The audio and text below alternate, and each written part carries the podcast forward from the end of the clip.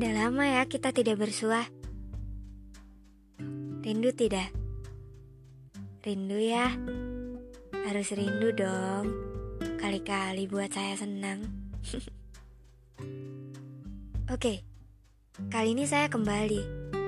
Dan tentu saja untuk bercerita pada kalian. Tapi boleh ya, kalau kali ini saya menceritakan hal lain di luar hal yang biasa saya ceritakan. Bisa dibilang ini agak sedikit curhat sih. Tapi nggak apa-apa lah ya. Belakangan ini saya lagi bingung. Bingung karena jatuh cinta. Kalau kalian tanya, kok jatuh cinta bingung sih? Nggak tahu lah. Saya juga nggak ngerti sekarang saya seperti kehilangan diri saya sendiri. Jujur, biasanya saya paling jengah dengan laki-laki pengatur. Saya enggak suka laki-laki yang posesif. Saya juga benci diikat terlalu kuat, apalagi kalau kita bukan apa-apa. Tapi dengan dia, dengan laki-laki paling nyeleneh yang baru saja saya kenal, kenapa saya nggak ngerasa keberatan ya? Daripada ngerasa risih, saya malah merasa ingin ia tuntut banyak hal. Aneh kan? Dia cuci otak saya pakai apa sih? Kan kita bukan apa-apa. Saya yang biasanya cuma mementingkan diri sendiri juga, sekarang kenapa jadi lebih mementingkannya dulu sih? Wah, nggak bener ini. Oke, Biar kalian gak bingung, sekarang saya jelaskan ya cerita lengkapnya. Kisah ini diawali dengan obrolan tentang bait-bait puisi. Dilanjutkan dengan pertemuan ditemani secangkir kopi. Dan candaan ringan tentang mimpi-mimpi yang tidak tahu diri. Siapa yang tahu kan? Kalau setiap larik yang ia bacakan ternyata mampu menarik kembali rasa yang selama ini telah dibawa pergi. Pertemuan-pertemuan berikutnya juga selalu berkesan. Saya selalu dibuat terkagum-kagum dengan semua tingkah ajaibnya. Yang awalnya kami bertemu karena tidak sengaja, lalu memutuskan untuk mengerjakan suatu hal bersama. Sampai sekarang kami jadi punya rutinitas bercerita di setiap malamnya berbicara hal acak yang entah kenapa terasa begitu menyenangkan. Saya suka tiap kali ia memanggil nama saya dengan nada yang lembut. Tanda bahwa ia sedang butuh saya dampingi. Butuh sandar untuk berkeluh kesah dan butuh peluk untuk meluruhkan lelah. Saya suka tiap kali ia melakukan panggilan. Ya, walaupun cuma diisi dengan nyanyian tidak jelas atau bahkan berjam-jam mendengarkannya bernapas saat tertidur. iya, saya tahu ini part paling absurd. Nggak usah diperjelas ya. Malu saya. oh iya, saya juga suka cara ia mengucapkan selamat malam. Yang tidak dikatakan tapi tersampaikan. Cara ia mengatakan bahwa ia ada dan tak ke mana-mana. Juga cara ia menjelaskan bahwa ia akan hadir, meski dalam kegiatan yang begitu padat dan menyita waktunya. Walaupun terkadang sikap manjanya membuat saya kesal, tapi saya suka caranya bersikap seolah menunjukkan bahwa hanya saya yang ia butuhkan. Dia juga sering melakukan hal acak lainnya yang kadang membuat saya makin kewalahan. Kewalahan menahan debar yang tak mungkin harus ia ketahui dalam waktu dekat ini. Enggak jarang saya dibuat kebingungan dengan sikapnya yang berubah-ubah. Hari ini manis, besok seolah asing. Tapi saat saya asingkan balik, ia melayangkan keberatan. Katanya, kok kamu jutek sih? Aku gak suka ah. Curang kan? Tapi dia baik sih orangnya.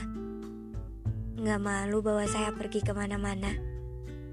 Nggak malu walau kadang saya berisik ketika sedang antusias bercerita. Nggak malu walau kadang saya tertawa pada lelucon yang sebenarnya tidak sama sekali lucu. Tutur katanya yang lugas dan sopan bukan hanya berhasil menyihir hati saya, tapi juga berhasil menyihir hati ibu.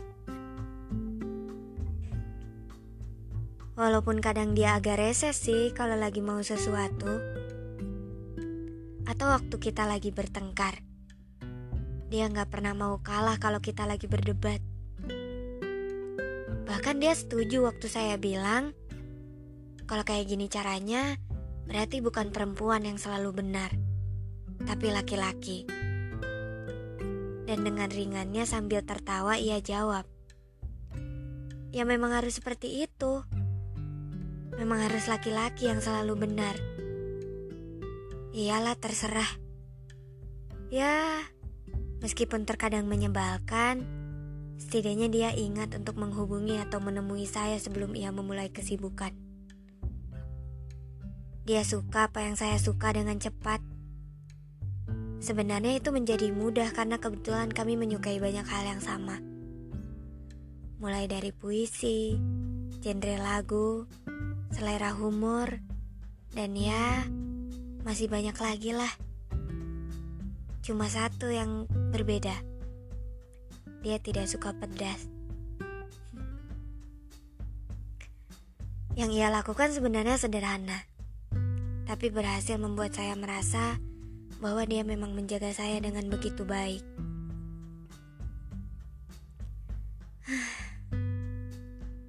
Rasanya sudah lama tidak merasakan debar yang meresahkan ini.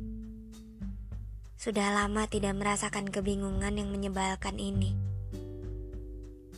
Sudah lama juga tidak merasa kesal karena gagal memecahkan teka-teki yang ia beri. Memang ya, Jatuh cinta itu ternyata menyebalkan sekaligus membingungkan.